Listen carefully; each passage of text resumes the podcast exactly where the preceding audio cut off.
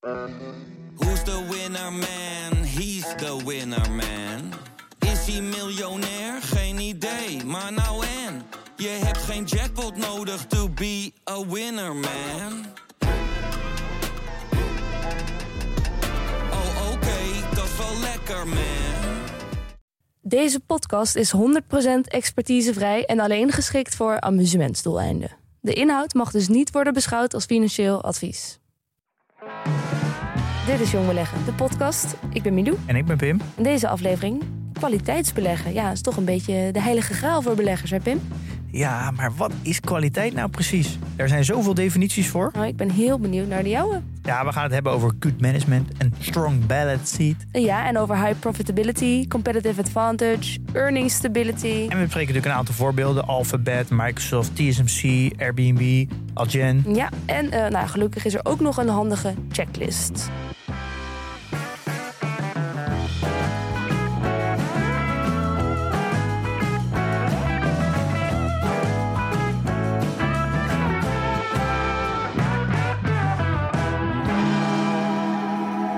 Ik kwam een, eh, een tweetje tegen van een Jason Shapiro. If Meta was minus 76%, Apple minus 35%, Amazon minus 54%, Nvidia minus 66%, Netflix minus 74% en Google minus 41%, would that be big enough of a crash? Because that was called 2022. It already happened. Ja, als je dat zo nu terugleest, denk je...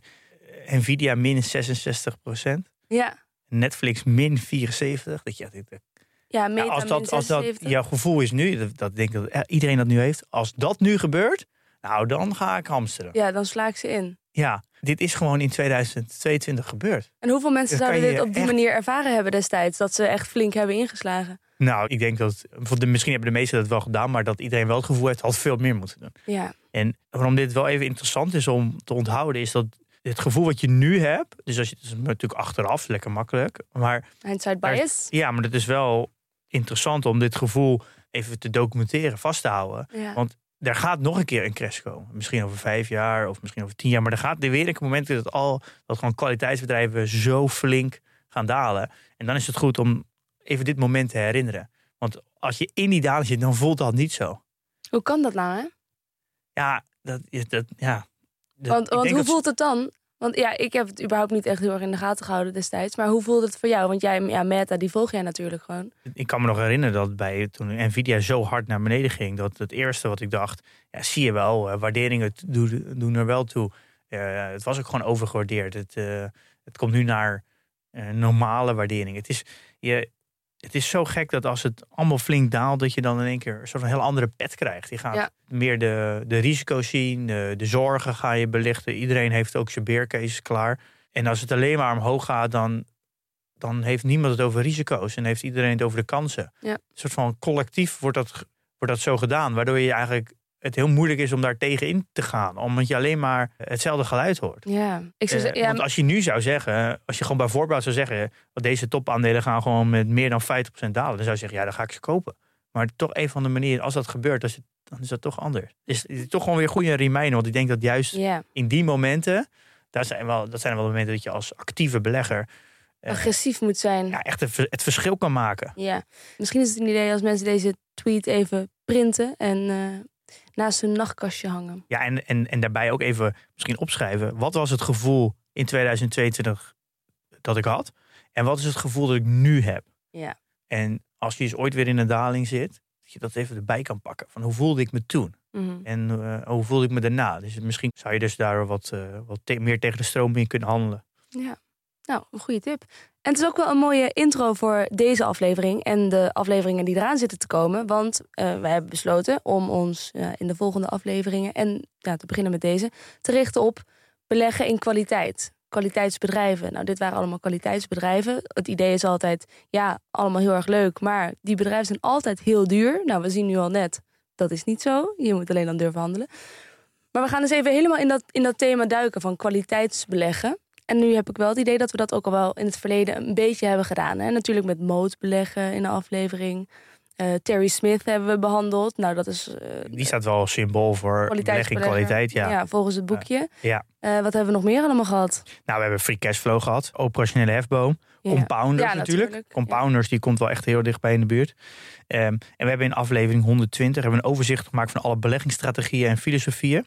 Daar is natuurlijk kwaliteit ook even aan bod gekomen. Ja. Maar we hebben het nooit behandeld als een, als echt een, los, een losse aflevering.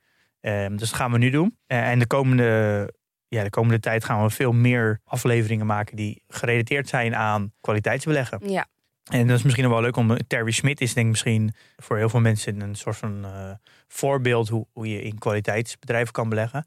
En dat is, dat staat hij ook wel een beetje bekend. Al heeft hij ook wel weer zijn eigen invalshoeken hoe die kwaliteit beoordeelt.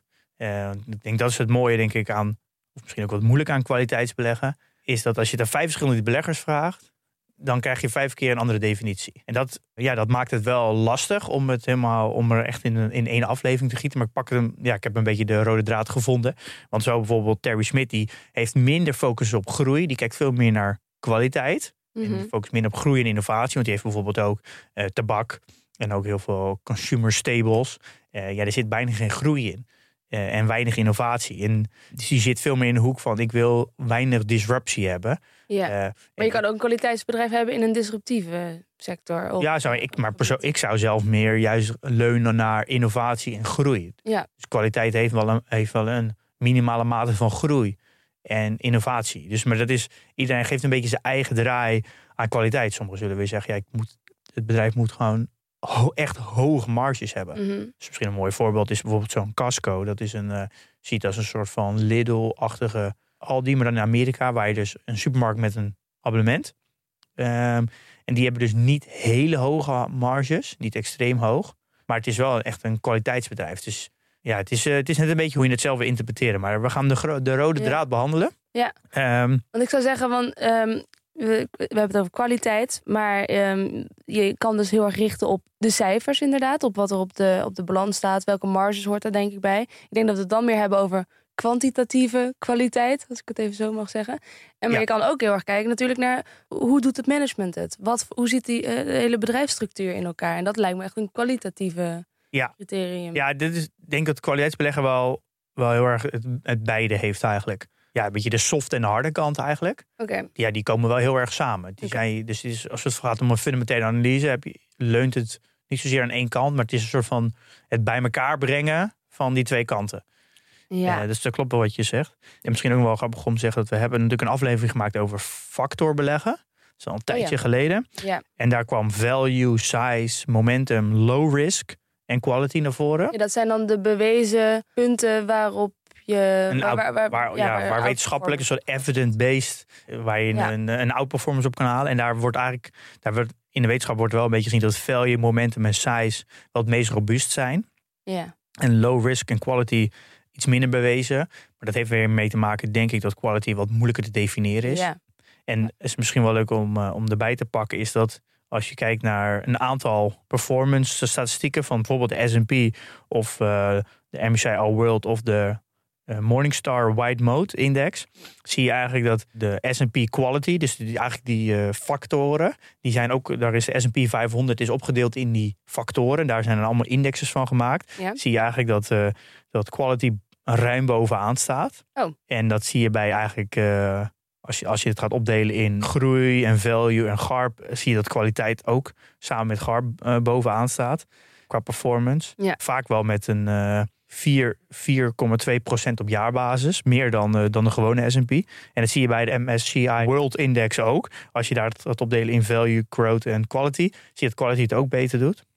Ja. Ik moet wel zeggen, dit is wel een hele grote side note, is dat dit allemaal in de peri- een periode is van om en erbij 20, 30 jaar, al deze statistieken. Mhm. En je ziet eigenlijk dat in ongeveer 95 is het kantelpunt geweest. Dat de kwaliteit het echt veel beter deed. En van ongeveer vanaf 2004, 2006. Dus het meetmoment ja. is heel erg bepalend. Wat voor statistieken die je eruit krijgt. Ja. En wat ik een beetje heb gelezen is dat als je echt de periode 100 ma- jaar maakt, echt veel langer, dan zie je dat de outperformance op kwaliteit eh, er niet echt is. Oh. Ehm, of veel minder vergeleken met de andere. Vergeleken bijvoorbeeld met value. Hoe komt dat? Nou, het is dus echt wel duidelijk dat de kwaliteit de afgelopen 20, 30 jaar het echt veel beter deed en value helemaal niet. Maar in ieder geval in de recente geschiedenis, iedereen die een beetje geboren is in die periode, eh, daar zie je wel dat kwaliteit een gigantische outperformance heeft. Dus dat is een beetje de conclusie. En ja, of dat, of dat wat zegt over de toekomst, dat weten we natuurlijk niet. Ja. Ehm, Ja. Misschien eerst nog even te zeggen dat er ook ETF's hier, hierin zijn. En dan kom je snel op de, de factor ETF's. Dus de, Mhm. bijvoorbeeld eh, de iShare, eh, MSCI World Quality Factor. En dan nee, Morningstar, de Van Eck Morningstar Sustainable White Mode. Dus modes kan je ook wel een beetje zien als een kwaliteitscriteria. En je hebt dan de Invesco eh, S&P 500 Quality, dus ook een factor. Dus je kan wel een beetje dit op ETF spelen, maar dan ga je vaak in de kwaliteitsfactor zitten. Ja. En wel grappig is dat de BlackRock heeft een, eh, had een plaatje gemaakt over de, de gewone S&P en dan de sectorverdeling en dat naast gezet tegen de, de quality index. En het, wat mij dus heel erg opviel is dat er dat als je dus een ETF, de gewone S&P neemt en je neemt de ETF gefilterd op kwaliteit, dan zie je dat er dus veel meer aandelen tot de percentage in de sector IT, healthcare, in industrials en eh, communication services veel meer omhoog gaat. Dus eigenlijk de conclusie is dan dat er dus veel meer kwaliteitsbedrijven zitten in die drie, die vier sectoren. Ja. Maar andersom kan je natuurlijk ook bekijken. Eigenlijk in eh, real estate, eh, utilities, energy en materials. Daar zit er gewoon nauwelijks, er zit gewoon nauwelijks een kwaliteitsbedrijf. Dus als je dus de quality ETF neemt, dan heb je eigenlijk die sectoren, die zitten er bijna niet in. Dus dat is wel mooi om, al gelijk mooi om te zien dat waar de kwaliteitsbedrijven Over het algemeen zitten. het algemeen zitten. Maar dan, ja, dat is toch opvallend dat in die sector dan, daar kan geen toeval zijn, zou ik dan Nou ja, dat heeft natuurlijk mee te maken met wat, jou, wat je voor filtering gebruikt Ja, en jouw definitie van dus kwaliteit. daar ben je dan afhankelijk van iemand anders die die filtering Ja, maar je ziet wel dat een heel belangrijk onderdeel van kwaliteit is altijd de return on invested capital of return on capital. En dat moet een hoge mate hebben. Dus eh, ja, ze filteren misschien op eh, minimaal 15%. Ja, Ja, dat haal je gewoon niet bij real estate of utilities of materials. Dus eh, ik denk dat je de sectorvergelijking, we gaan een keer een aflevering maken over eh, return on invested capital. Dan daar zal je denk ik ook zien dat vooral de IT, healthcare, consumer staples en eh, industrials en eh, de communication services daar voornamelijk de, de hoogste return on invested capital zit. En dat Ja. is een van de belangrijkste maatstaven voor ETF's om ja. te filteren. oké. Dus dat is wel een, eh, interessant om, om te zien. Dus dat, Ja. het is best wel ongelijk verdeeld. Ja. Daardoor zal je denk ik ook zien dat die sectoren over het algemeen ook steeds meer gewicht krijgen in de indexes. Omdat die gewoon harder groeien. Dus het gaat nog wel even door, als we het zo zeggen, met dat de kwaliteitsbedrijven het goed gaan doen in de geschiedenis, zou je voorspellen op die manier, of niet? Ja, ik denk, ja, de- ja volgens het, de- ja, ik denk het wel. Dan is er toch iets veranderd, zou je zeggen. Gewoon in de. Als dat nu opeens alleen maar beter doet dan het in het verleden heeft gedaan, dan is er toch iets structureels veranderd, eigenlijk, zou je zeggen. In. Ehm, in die vraag zou je eigenlijk nog een keer moeten stellen als we straks eh, alles langsgelopen hebben. Want je ziet Ja. dat er, er zijn een bepaalde karakteristieken voor kwaliteitsbedrijven die, die er gewoon nu veel meer zijn. En dat heeft natuurlijk voornamelijk te maken, denk ik, met het internet. Eh, en misschien nog wel een ander eh, leuk ding is om te zeggen dat je eigenlijk bij kwaliteit, de karakteristieken die je moet hebben als belegger, zijn wel echt geduld en discipline. Ja. Dat, dat, want kwaliteit, dat is natuurlijk eigenlijk iets wat, wat kan compounden. Dus je, je, je, je, soort van je, hoe lang je het bezit is eigenlijk forever. Het Ja. zou in theorie kunnen. Dat is een beetje de holy grail in beleggen natuurlijk. Het komt dichtst bij, het dichtst bij passief beleggen. Ja. Als je eenmaal een kwaliteitsbedrijf hebt en het voldoet aan alle karakteristieken, dan zou het in principe heel lang door kunnen groeien. Ja. Dan heb je eigenlijk nooit een verkoopmoment. Ja, dus eh, je moet heel veel geduld hebben en heel veel discipline in het houden. en vertrouwen en eh, in je Ja, dat is wel heel anders dan, eh, dan andere beleggingsvormen. Dan value. Value dan, dan is eigenlijk, weet je bijvoorbeeld al dat je dit aandeel nooit Ja, eh, je hele leven gaat houden. ja. Eh, en daar is de verko het verkoopproces zo anders. Maar dat lijkt me toch, dit moet toch iedereen aanspreken. Het moet toch heerlijk zijn om te weten dat je echt een kwaliteitsbedrijf hebt waar je nooit meer iets mee hoeft te doen. Ik bedoel, ik zou daar geen geduld of discipline voor hoeven opbrengen als ik het zo hoor. Nee, ik ja, zou dat, denken is, van lekker makkelijk gewoon. dat is ook eigenlijk gelijk een goede vraag. Waarom beleggen zo weinig particuliere beleggers in kwaliteitsbedrijven? Omdat ze ze niet kunnen vinden. Of ze zijn altijd te duur. Nou, dat klopt. Ze zijn altijd duur. Daar gaan we ook nog even behandelen. Maar is, ja, is dat dan de enige reden? Want het is niet heel moeilijk om een kwaliteitsbedrijf te vinden. Nee. Als je een beetje belegt dan, en je vraagt aan 10 mensen, geef de top 10 kwaliteitsbedrijven, dan zit daar best wel veel overlap in. Er is best wel een algemene consensus over wat kwaliteit is, denk ik. Ja. Ja, wordt het dan snel verkocht? Of het kan ook een onderdeel zijn, ik zit er even hard op te denken, eh, dat er gewoon eigenlijk alle content die particuliere beleggers consumeren, daar is gewoon niemand die praat over kwaliteitsaandelen. Hmm. Is dat de, de krant heeft het niet over kwaliteitsaandelen. Alle beleggersmagazines die er zijn, die praten niet over kwaliteitsaandelen. Nee, waar praten die eigenlijk over? Ja, over het, het nieuws van de dag. Eigenlijk over, de, value en over... Nou, ja, vooral eh, wat is er eh, gebeurd deze week met welke aandelen? Oh, die zijn hard gezakt. Ja. Oh, dan moet het verklaard worden. Kansjes, ja, pareltjes, precies. pareltjes. Ja. Van korte termijn. Eh, jagen op konijntjes die je uit de ja. steken. eh, je moet, eh, eh, dan kom je interessant over als je zegt: Ja. Ik heb nou een eh, pareltje ontdekt. Dat had er misschien mee te maken dat het gewoon de. Luister jij daarnaar? Of niet? Nee, bijna niet eigenlijk. Ik luister eigenlijk voornamelijk naar, eh, naar tijdloze content. Ja. Dat is eigenlijk ook wel het, het mooie aan deze strategie. Dit is geen bottom-up, maar een top-down vorm van analyse. Dat is, is ook heel interessant. Is dat je dus eigenlijk niet bezig bent met eh, GDP-groei, richting van de rente, inflatieontwikkeling, werkloosheidscijfers. Nou ja, ga maar door. Dat is bottom-up. Dat is bottom-up. En je bent veel meer bezig top-down. Dus je bent veel meer bezig. Wat is het bedrijf? Wat doet het bedrijf? Hoe krachtig is het bedrijf? Wat is de ontwikkeling van de sector waar het bedrijf zit? Is van boven naar beneden. Je bent helemaal niet bezig met de, de dagelijkse gang van zaken. Nee. Eh, je bent ook veel minder bezig met het timen van wanneer moet ik nou kopen, verkopen. Ja. Ja, als je, ja, als je het eigenlijk voor, voor altijd wil hebben, of, of, of je van horizon van 5 à 10 jaar voor dat aandeel, ja, dan maakt het niet uit of je het morgen, overmorgen of over twee maanden koopt. Nee. Ja, want dat gaat het verschil toch niet maken. Dus het, het maakt beleggen misschien ook wat re- relaxter, omdat je veel minder bezig bent met de, de dagelijkse gang van zaken. Je hoeft eigenlijk de krant niet te lezen, je hoeft eigenlijk helemaal niet bezig te zijn met de rente, met inflatie. Het maakt eigenlijk allemaal niet uit. Je Want kijkt eigenlijk gewoon, je bekijkt die bedrijven in een vacuüm. eigenlijk wel, ja. Ja. In een soort van, ja, in een vacuüm, wel in een omgeving waar ze wel opereren. Ja, maar rentestanden maken dan niet uit en je hoeft het allemaal niet bezig te houden met die korte termijn. Nee, helemaal niet eigenlijk. lange termijn. Nee. Ja.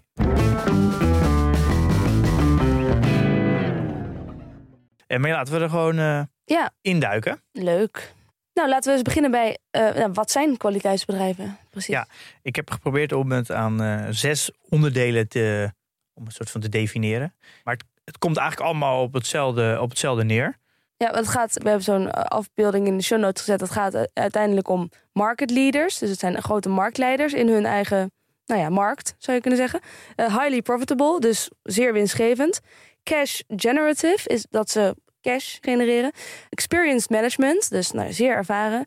Long-term track record of growth. En a good attitude to reinvestment. Wat is dat laatste precies? Eh, ja, dat, er een, dat ze heel graag het geld wat over, over is, een soort van Ja. vrije kaststroom, kunnen herinvesteren. Ja, dus dat zijn zes karakteristieken van kwaliteitsbedrijven. Ja, dat klopt wel een beetje. Moeten ze er allemaal aan voldoen? Of moet het er... Ja, nou, we gaan ze natuurlijk behandelen. Ik, Ja. eh, ik, ik heb het iets anders gedefinieerd. Ik ga, zou eerst beginnen met een, de, een competitive advantage. Dus dat eigenlijk de concurrentievoordeel. Ja. Ik wil het even definiëren in Engelse termen, omdat dat, dat zie je gewoon heel veel. Eh, en die hebben eigenlijk al eens eerder gehad bij mootbeleggen. En dan heb je natuurlijk de vijf bekende. Dus dat is eh, immateriële activa. Dus moet pas- patenten, overheidslicenties, merknaam, Mhm. brand. ja. Eh, overstapkosten, dus dat die hoog zijn. ja, bijvoorbeeld je kan niet van Windows opeens naar Apple. Ja, bijvoorbeeld. eh, Of een, eh, je hebt bijvoorbeeld Oracle als database. Ja. Ja, dan is het heel moeilijk om, om de uit Oracle te gaan en over te zetten naar een andere database. Ja. Netwerkeffecten, nou, dat is ook wel een bekende. Kostenvoordeel, nou, die, die spreekt ook wel voor zich. Mhm. En eh, efficiënte schaal. Nou, bijvoorbeeld Amazon een mooi voorbeeld. Die is zo groot waardoor ze schaal zoveel kunnen doen. ja. En dat zijn eigenlijk een beetje de, de bekende. Kijk, het, uiteindelijk gaat het erom dat, dat in de basis een kwaliteitsbedrijf... die moet iets doen wat hun uniek maakt. En dat kan natuurlijk van alles zijn. Maar je moet zoeken naar wat is een beetje de hidden gem in het, in het bedrijf. Wat maakt Ja. het nou dat het bedrijf goed is, uniek is? Wat doen zij wat de rest niet kan? Bijvoorbeeld voor eh, de bekende bedrijven als een Moody's en een S&P Global en een Fitch. Dat zijn bedrijven die de kredietbeoordeling... als je iets van eh, een obligatie in de markt wil zetten Mhm. moet je een kredietbeoordeling hebben. Dat zijn eigenlijk maar drie partijen die dat doen. ja. Eh, en je ziet dat bijvoorbeeld Moody's, als je daar een kredietbeoordeling hebt gekregen, dat je daardoor wat goedkoper een lening kan krijgen. Omdat namelijk de kredietbeoordeling zo goed daar, ja. wordt zoveel waarde aangehecht, waardoor je goedkoper lening krijgt, waardoor je eigenlijk zichzelf terugverdienen. Ja. En dat is natuurlijk, dan doen zij iets unieks. Ja. En dat is natuurlijk ook met een brand, bijvoorbeeld eh, Nike of eh, nou, alle bekende Hermes bijvoorbeeld. Zij hebben iets unieks waarom mensen bereid zijn om meer te betalen dan voor een vergelijkbaar product. Ja. En daar, daar moet je naar op zoek zijn. Dat moet, dat moet erin zijn. Dat moet er ook heel duidelijk zijn. En dit is natuurlijk een hele softe, best wel een softe benadering. dit is heel moeilijk hard te maken. Dit moet je natuurlijk onderzoeken. Wat maakt het bedrijf uniek? Dat is jou, eigenlijk jouw fundamentele analyse. Er Ja. moet iets zijn wat het bedrijf uniek is, wat aan de buitenkant niet zo zichtbaar is. Ja.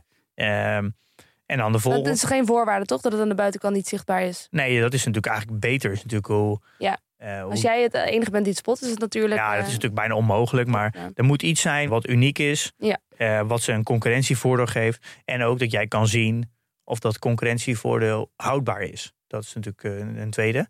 Ja. Eh, en dat het over tijd sterker wordt. En je moet voornamelijk een beetje de next big thing vermijden. mhm. Als je wil beleggen in kwaliteit, dan zit je in bedrijven die zich al bewezen hebben. En dat is een beetje met moot en concurrentievoordeel. Het is altijd, kijk, een klein bedrijf begint niet met een moot. Een klein bedrijf begint niet met een concurrentievoordeel. Dat ontstaat over tijd. Ja. Coca-Cola is natuurlijk niet begonnen met een moot.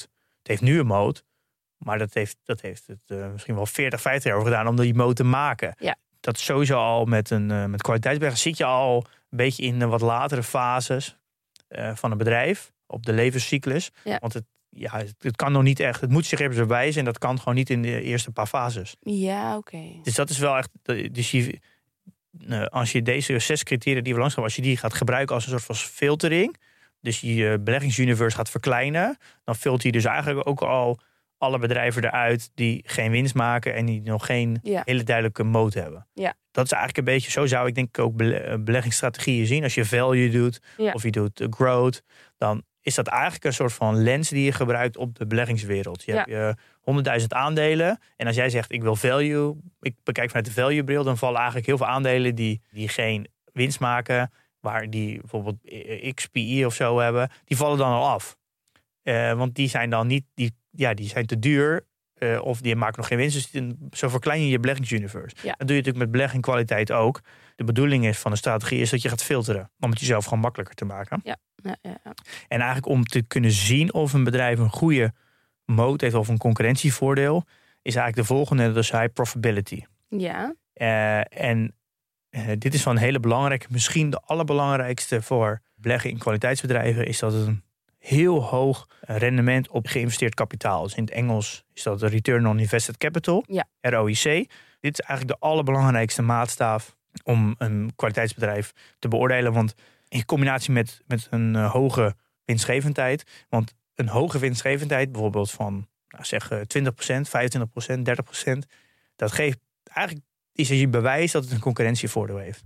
Want als het hoge marges kan maken, is het dus blijkbaar weinig concurrentie in de markt. Doen ze iets unieks waarom ze die, waarom ze die prijs kunnen vragen. Ja. Als er heel veel concurrentie is, dan kan jij je marge niet hoog houden. Ja. Dus dat is eigenlijk je, je eerste harde bewijs dat het een concurrentievoordeel heeft. ja precies. Ehm, dus daar, daar kijk je dan heel erg naar. Je wil eigenlijk de combinatie van een hoge winstgevendheid met een hoge eh, ROIC. ROIC. Want Dat als ze dus, dan gaan ze dus goede dingen doen met al die winst die ze maken. Ja, dus de winst die ze maken, die kan weer tegen een heel hoog rendement herinvesteerd worden. Ja, Ja, en Dus- dan ga je natuurlijk keihard groeien. dat is eigenlijk de compounders. eh, Ja. dat, dat is wel echt een heel. Dus een van de allerbelangrijkste voorwaarden van een kwaliteitsbedrijf.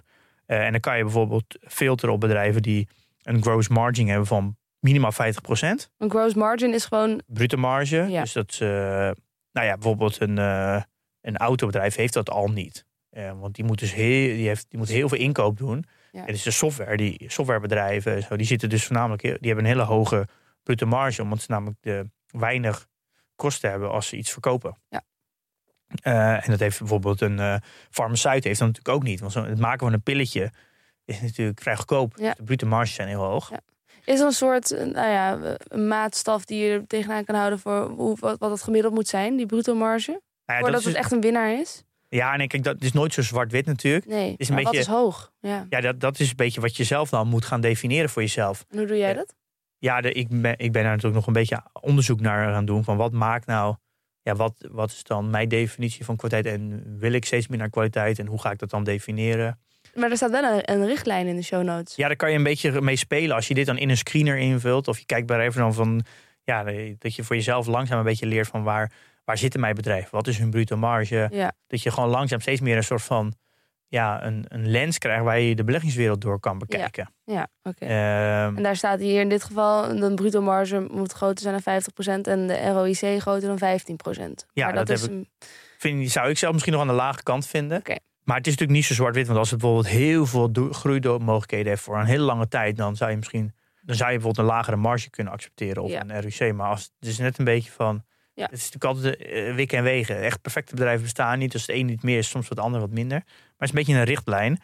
Maar je wil in ieder geval de combinatie van een hoge winstgevendheid en een hoge RIC. Ja. Kijk, bijvoorbeeld de supermarkt heeft een marge van 4% als ze geluk hebben. Dat is niet zo hoog. Dat is niet zo hoog. En nou Jumbo bijvoorbeeld, is niet beurslim, maar had in 2023 1% marge. Ahold, voor mij in Nederland, eh, had uh, 75% marge. Maar met een lage bruto marge kan je alsnog wel een hogere return on invested capital hebben, toch? Eh, nou, dat is vrij lastig. Oké. Eh, want eh, het is heel moeilijk om een hoge return te hebben als je een lage marge hebt. Dat is gewoon heel lastig. Dus die gaan wel een beetje hand in hand. Het is gewoon heel moeilijk als je. Ja, je returns zijn gewoon laag als je ook een lage marge hebt. Ja. en je wil eigenlijk als belegger in kwaliteit dat er een hoge mate van rendement op geïnvesteerd kapitaal is. In ieder geval hoger dan de, het kosten van het kapitaal. En eigenlijk hoger ook dan het rendement dat jij zelf zou kunnen maken. Nou, Ja. de meeste mensen hebben als maatstaf 8 à 10 procent. Dat doet een index. Dus eigenlijk het bedrijf moet eigenlijk hoger dan 8 à 10 procent ROIC hebben. Anders is het, anders is het eigenlijk eh, kapitaal aan het vernietigen. En je ziet toch wel veel, ik denk, denk dat misschien wel 80% van de beursgenoteerde bedrijven eh, een te lage ROIC heeft, die, dat eigenlijk kapitaalvernietigend is. Oké. Eh, Dus nou ja, goed. ROIC, daar komen we in ieder geval dus nog in een volgende aflevering eh, Ja. meer uitgebreid op terug. Eh, we hebben nu dus competitive advantage gehad. High profitability. Volgende. earning stability, Mhm. ja, die is natuurlijk heel lekker in combinatie met, de, met een eh, hoge mate van winstgevendheid, om ook een hele stabiele earnings te hebben. Dus je wil een, een hele ja, een, een eh, voorspelbare en een stabiele winst hebben. Ja, En- en, ja, waarom wil je dat? Nou, dat heb- wil je eigenlijk omdat je hierdoor de, automatisch de cyclische aandelen eruit haalt. En het is een beetje dat als je het compounden niet wil interrupten, dan moet, dan moet het ook wel door blijven gaan. Je wilt niet bre- doorbreken, dan moet het niet heel schommelen. Moet het niet de ene keer eh, met 20% omhoog gaan, de andere keer met 30% naar beneden. Je wil gewoon een heel mooi, lekker lijntje. Dus dat je daarboven. elke keer ja, dat eh, compounding effect dus juist... ja, en, je, en dat, dat maakt ook heel erg aandelen veel betrouwbaarder. ja. Je kan veel beter een bedrijf leiden als het elk jaar groeit. Je kan veel beter investeren, veel meer op lange termijn investeren. Ja. Dus, eh, en het is veel minder gevoelig. Je hebt gewoon veel eh, een betere klantenbestand als het zelfs in, in slechte tijden niet daalt. En dat is ook denk ik wel echt een, eh, een belangrijke voorwaarde van kwaliteitsbedrijven. Dat het, ik denk, als je naar alle kwaliteitsbedrijven kijkt, dan zie je, en je gaat de, de revenue, dus de, de omzet, je pakt gewoon, je zoomt uit naar 15 jaar en je, gaat, eh, je ziet een lijntje, een balkje. Dan zie je denk ik allemaal van linksonder naar rechtsboven lopen. ja, want ze zijn ongevoelig voor als het even maatschappelijk wat Ja, dat gaat. is denk ik echt een hele belangrijke voorwaarde van een kwaliteitsbedrijf. Ja.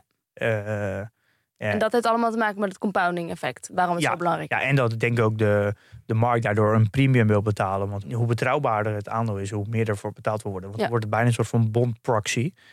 Wat? Eh, een bond proxy, dus het, het, het is een soort van eh, obligatie, wordt het dan bijna gezien. Dus dat het zo stabiel is, zo Ja. Dus het, is niet, er zit geen volatiliteit in. Nee. Waardoor dus ook in periodes dat de hele beurs zakt, vaak ook deze, deze aandelen veel minder ver zakken.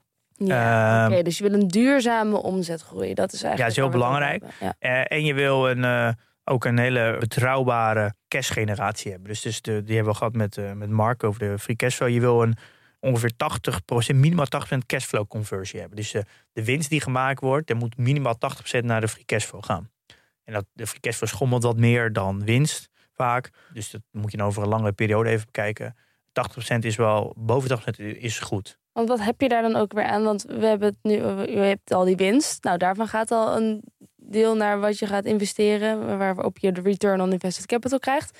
Wat heb je dan nog aan free cashflow? Nou, de, je hebt, je hebt natuurlijk, de winst is natuurlijk boekhoudkundig, want je kan bijvoorbeeld afschrijvingen hebben. Ja. Maar je hebt natuurlijk de, de free cashflow, dat is echt wat er echt overblijft. Dat is echt wat onderaan de streep voor aandeelhouders is. Dat kan je nou kiezen om te herinvesteren. Ja. Maar je hebt natuurlijk ook een, een vorm dat het, dat het gewoon een soort van maintenance moet hebben. Dus dat er van best wel veel geld in moet om, om gewoon het verdienmodel te bewaken. Ja, en je als je dus dat hebt, dan kun je het bewaken. En als je geen ja, maar het liefst wil je natuurlijk bedrijven die... Kijk, bijvoorbeeld een TSMC uit mijn portefeuille. Dat is natuurlijk de grootste chipmaker eh, in de wereld. Die hebben, draaien hele mooie winsten. Maar dan gaat gewoon een heel groot gedeelte van de winst... volgens mij iets van 40% van de winst... eh, gaat gewoon terug eh, wordt in, eh, geïnvesteerd om, de, om die machines te kopen van ASML. Ja. En, en vergelijkbare bedrijven. Dus de, dat, dan heb je ze wel een heel hoge winst. Maar de mate wat er uiteindelijk overblijft voor aandeelhouders is, rela- is relatief minder, of Ja. relatief klein. Ja.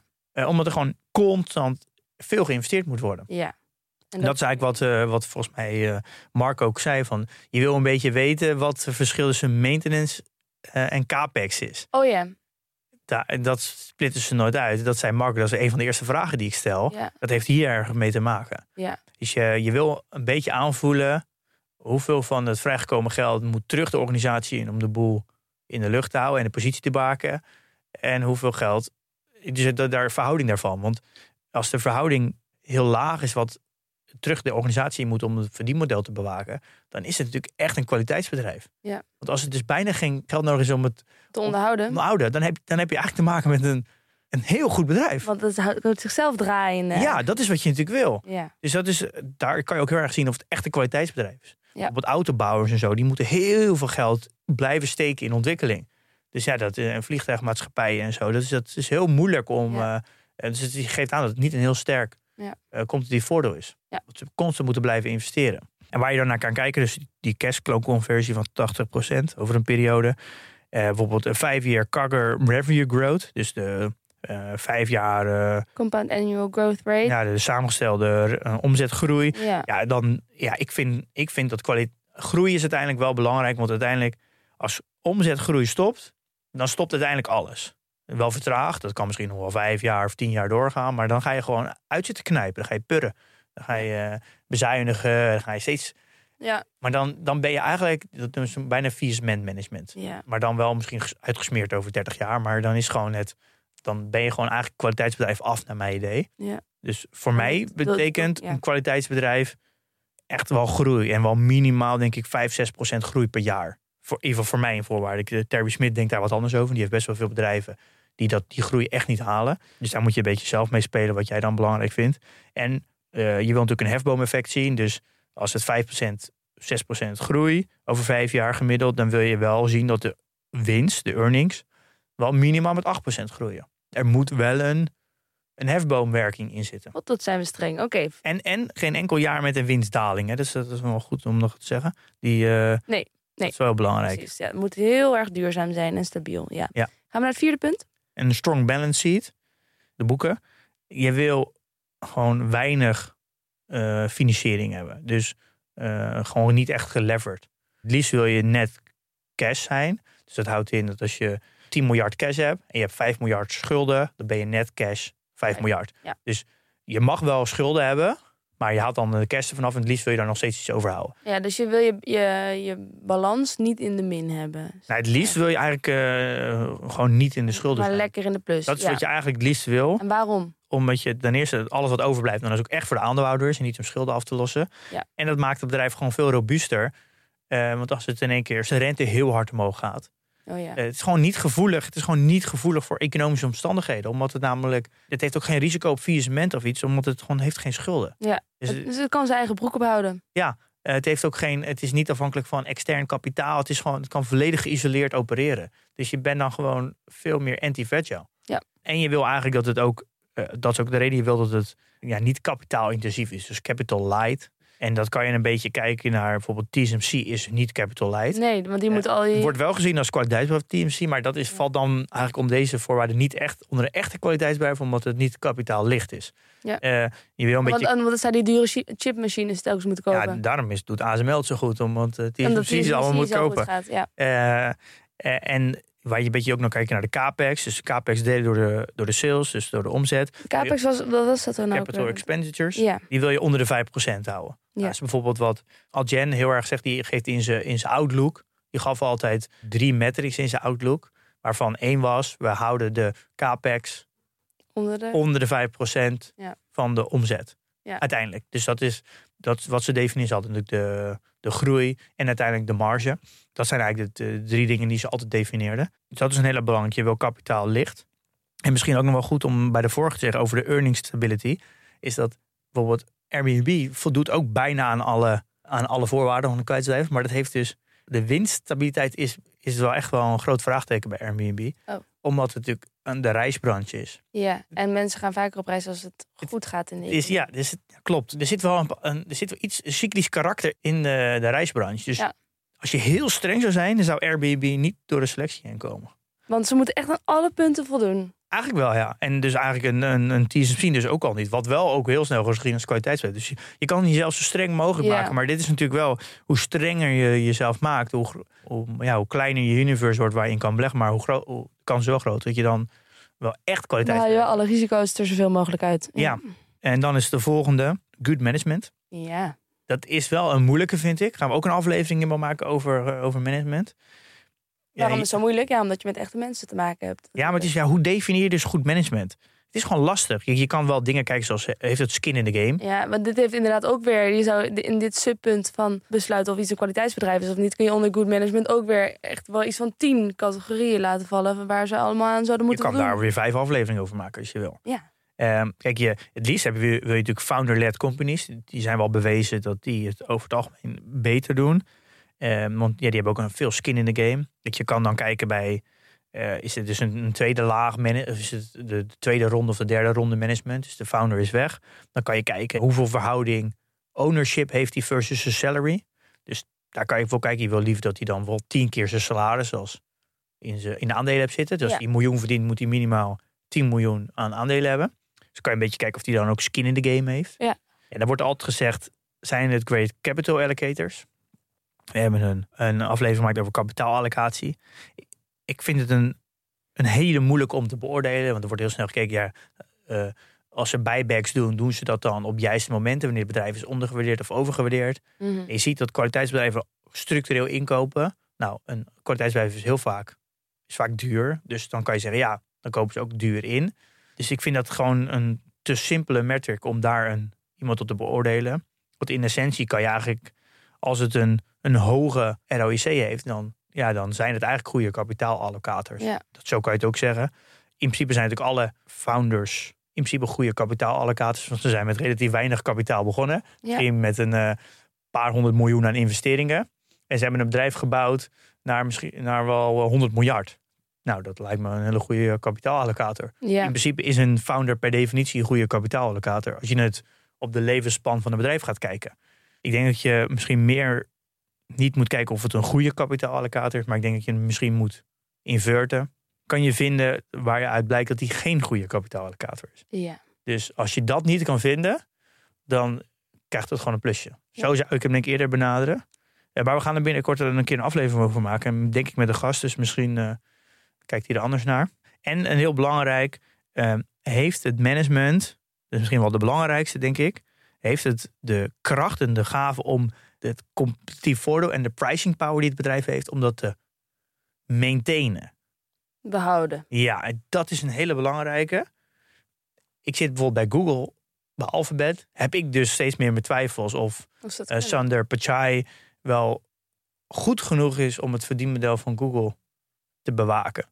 Mm. Ik denk dat daar dat misschien de allerbelangrijkste is die je, die je eigenlijk als je naar het management beoordeelt. Want de, ja, heeft het wel het vermogen om het om gewoon, gewoon het, de, het, de business aan zich te bewaken. Daar heb je laatst een, een eh, post over gezet, plaats Ja. toch, in de community. Ja, een hele lange post over waarom ik Alphabet moet verkopen. Ja.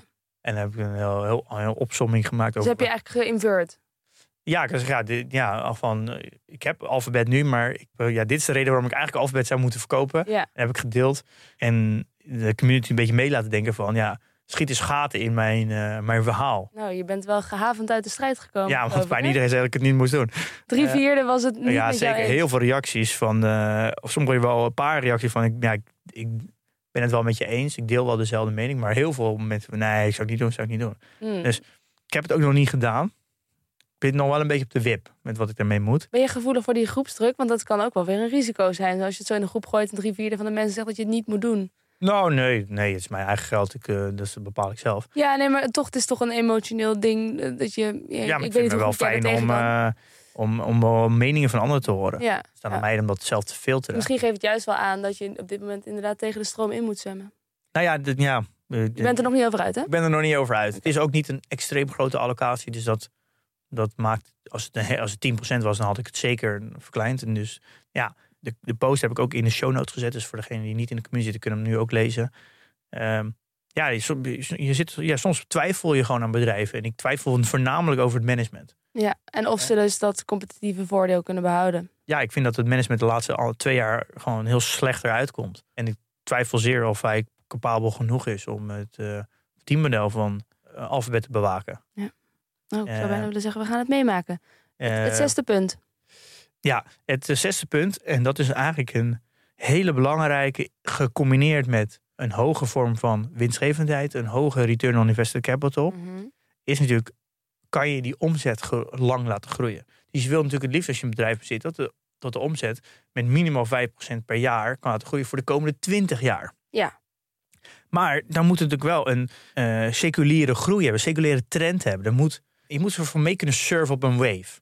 Uh, want het is eigenlijk heel makkelijk als de, als de sector of de industrie waar jij in zit met 5% groeit de komende 20 jaar, dan is het voor een kwaliteitsbedrijf natuurlijk heel makkelijk om ook 5% te ja. groeien. Want ja. als jij de beste bent, je bent een kwaliteit, dan kan je vaak wel met 6 of 7% groeien. Want dan kan je harder groeien dan, dan, dan de zwakke broeders. Ja. Als de, want 5% groei, als de sector 5% groeit, dan groei jij eigenlijk gratis ook 5%. Ja, dat is eigenlijk die golf waar je. dus Ja, want ja, daar hoef je niks voor te doen. Ja. Want als je, je hoeft alleen maar je marktaandeel te behouden, en dan krijg je gratis groei. Ja. Dus je wil, er moet wel een soort van circulaire trend in zitten. En daar moet je dus wel echt naar kijken. Kijk, dat is de reden waarom Microsoft al zo lang kan groeien. Die zitten, die zitten, die zitten op zoveel uh, circulaire trends met hun business. Die alleen maar, alleen maar blijven groeien. Dus die, die kunnen die groei gewoon heel lang vasthouden. Ja. Dus je wil daar wel, in, ja, je, moet daar wel, je moet daar wel een beetje naar kijken. Neem bijvoorbeeld van cash naar cashless. Dat is een, bijvoorbeeld een trend. We gaan steeds minder met cash betalen. Oh zo, ja. Steeds meer met Ja. uh, de PIM, de, gewoon het digitaal betalen. Dat is natuurlijk in, in westerse landen best wel al gevorderd. In Nederland helemaal. Nederland loopt denk ik wel vrij voorop als je, Ja. als je op wereldschaal kijkt. Maar dat is een trend. Dat is natuurlijk wel een, een mooie uh, circulaire trend voor Visa en Mastercard. Want alle digitale betalingen gaan via Visa of Mastercard. Ja. Dus dat, dan kan je wel zeggen, ja, die trend gaat zich de komende twintig jaar dan wel doorzetten. Dus dat is wel echt een hele mooie circulaire trend voor Visa en Mastercard. Dus die groei van 5% per jaar zouden ze prima vast kunnen houden, lang, omdat Ja. ze op een trend zitten. En bijvoorbeeld digitalisering is ook een, een circulaire trend. Ja. We gaan steeds, wordt steeds meer digitaal. Dus nou ja, neem bijvoorbeeld ook bij Google was het altijd. Elk jaar neemt het aantal internetgebruikers toe. Steeds meer mensen worden aangesloten op het internet. Ja. Ja, dat is een circulaire trend waar Google heel erg op golft. Want de, ja, als men, hoe meer mensen het internet opgaan, hoe meer mensen Google kunnen gebruiken. Dus dat is een, eh, dat is een mooie groeitrend. Ja. Dus je wil heel erg kijken bij een kwaliteitsbedrijf, kan je heel goed de seculiere trend definiëren. Waar, waar service op mee?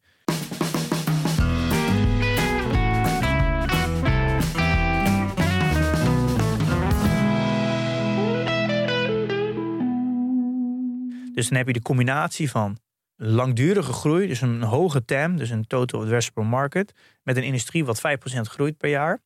Dus je hebt gratis groei voor een hele lange periode met een hele hoge winstgevendheid. Ja. En je hebt een hoge return on invested capital. En er zijn daardoor he- voor een hele lange periode hele interessante eh, herinvesterings Ja. opportunities. Die is ook heel belangrijk.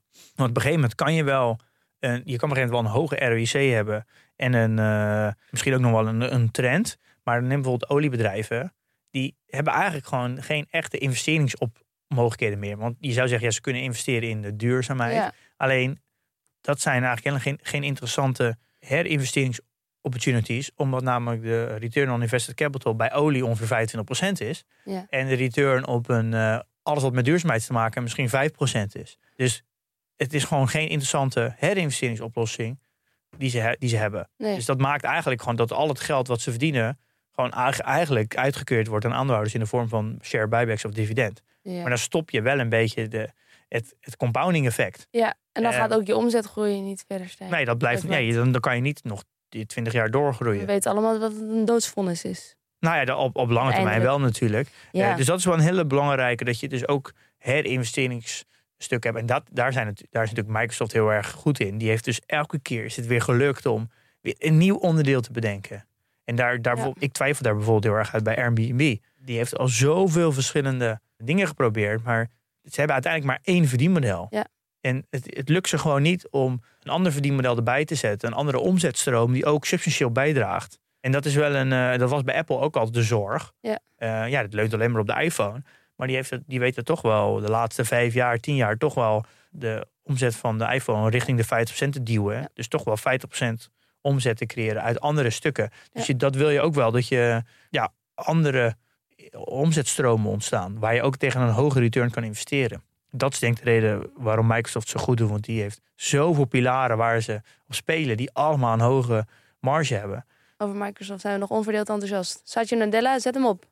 Ik denk door. dat dat op dit moment wel echt een eh, voorbeeld is. Ik denk dat de meeste mensen dat we echt definiëren als kwaliteitsbedrijf. Nou ja, ehm, dan nu eigenlijk de hamvraag. Want eh, we noemen Microsoft al even. Ja, dat bedrijf is gewoon altijd fucking duur.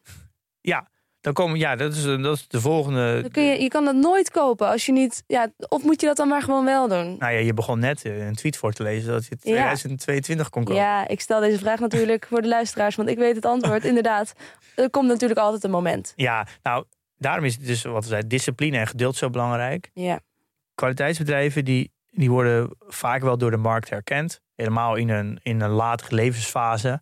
Eh, want dan is, dan is het ook goed te zien in de cijfers. ja maar je mag het ook inderdaad. Een kwaliteitsbedrijf. Coca-Cola was in het begin ook geen kwaliteitsbedrijf, zei je, omdat het toen nog geen moot had. Dus op, in een vroege fase zijn het ook nog geen kwaliteitsbedrijven. Nee, dat, moet, dat ontstaat door de jaren. Het moet Ja. een, track, een bemate van track record hebben. Ja. Anders kan je niet echt zeggen dat het een kwaliteitsbedrijf is. Nee. Er een potentieel.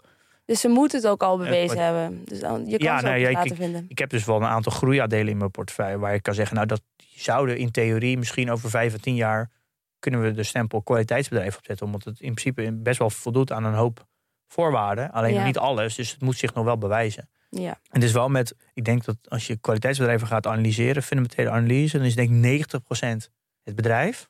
En dan op een gegeven moment krijgt het uiteindelijk de stempel eh, koopwaardig. Of gewoon eh, het is goed, investable. En dan heb je die laatste 10% is waardering. Ja. En eigenlijk is een waardering is vaak niet zo. Ja, dat kost gewoon niet zoveel tijd. Dat is als je een beetje, op een gegeven moment een beetje gevoel voor hebt, dan weet je gewoon op een gegeven moment, nou, eh, dit is ongeveer zoveel waard. Mhm. Eh, die, deze aandelen ga je denk ik hoofdzakelijk nooit kopen met de margin of safety. Maar de, de margin of safety zit denk ik in, in de kwaliteit. Dus die kan je prima kopen op fair value. Nou ja, dan ze handelen vaak iets boven de fair value.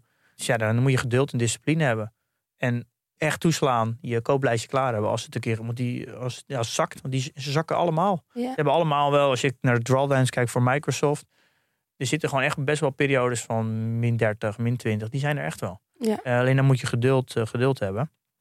En ik moest heel erg denken aan de aflevering van eh, Nothing But Net. Van het boek van Mark Mahaney. Hebben wij allebei gelezen? Ja, dat boek moet ik misschien nog eens een keer lezen. En hij heeft het over dislocated high quality stocks. Ja, dus dat ze even net een soort van...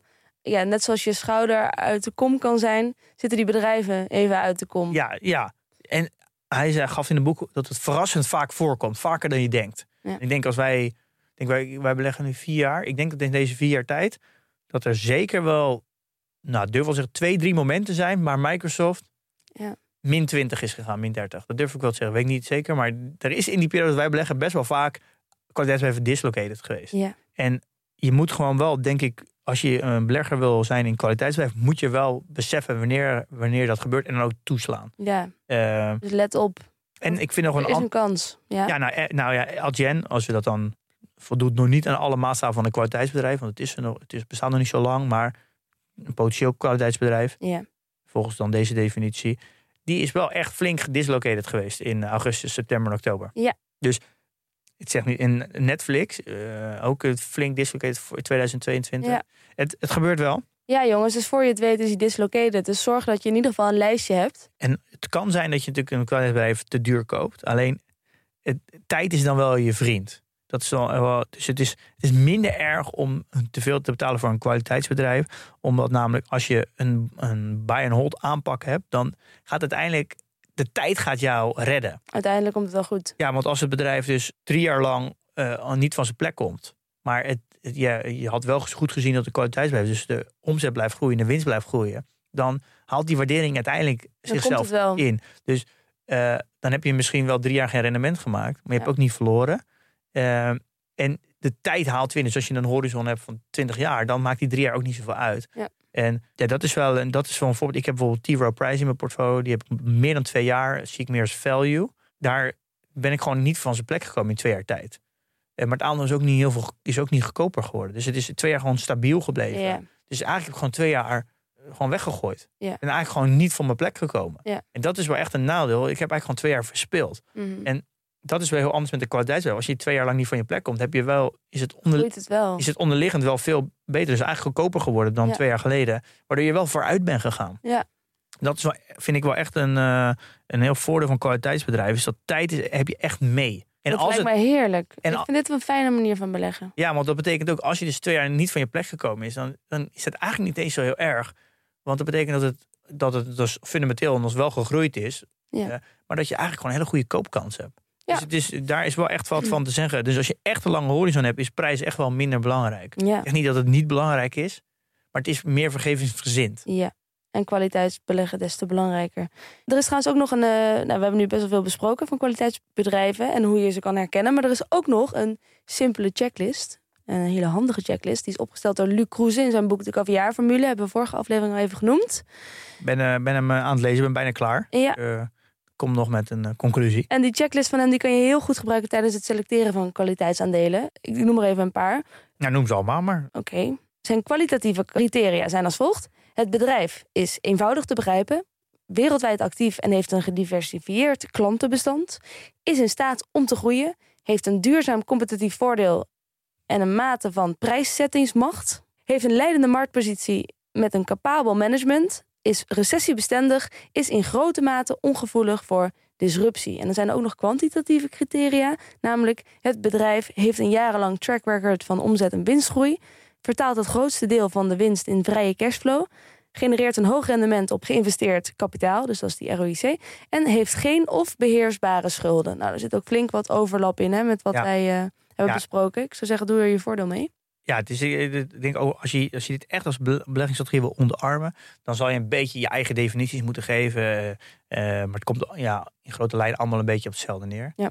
Al denk ik wel, er zijn zoveel bedrijven dat als je vijf kwaliteitsbeleggers zou hebben, dan zal, er misschien wat overlap in de portefeuille zijn, maar zo kan je nog steeds een compleet andere portefeuille. Want er zijn Ja. natuurlijk wel meer dan, dan 15 kwaliteitsbedrijven in de wereld. Ja. Als je de ah, nadeel iets meer legt op groei, dan krijg je natuurlijk een iets andere samenstelling. Als je meer op innovatie legt of meer op juist disruptie, dus anti-disruptie, dan kom je veel meer bij de, de consumer staples uit en de tabak en zo. Dus het is wat Terry Smith bijvoorbeeld weer doet. Het is, je is net een beetje eh, welke fase, levensfase je ook graag op beleggen. Coca-Cola en McDonald's wordt ook gezien als kwaliteit. Mhm. Maar daar zit naar mijn idee weer voor mij net iets te weinig groei in. Dus dat zal voor mij dan net voor je afvallen. Maar voor Ja. sommige mensen juist weer niet. Ligt omdat je eh, misschien ben je wat ouder en vind je het juist wel fijn om iets meer in de latere levensfase te zitten.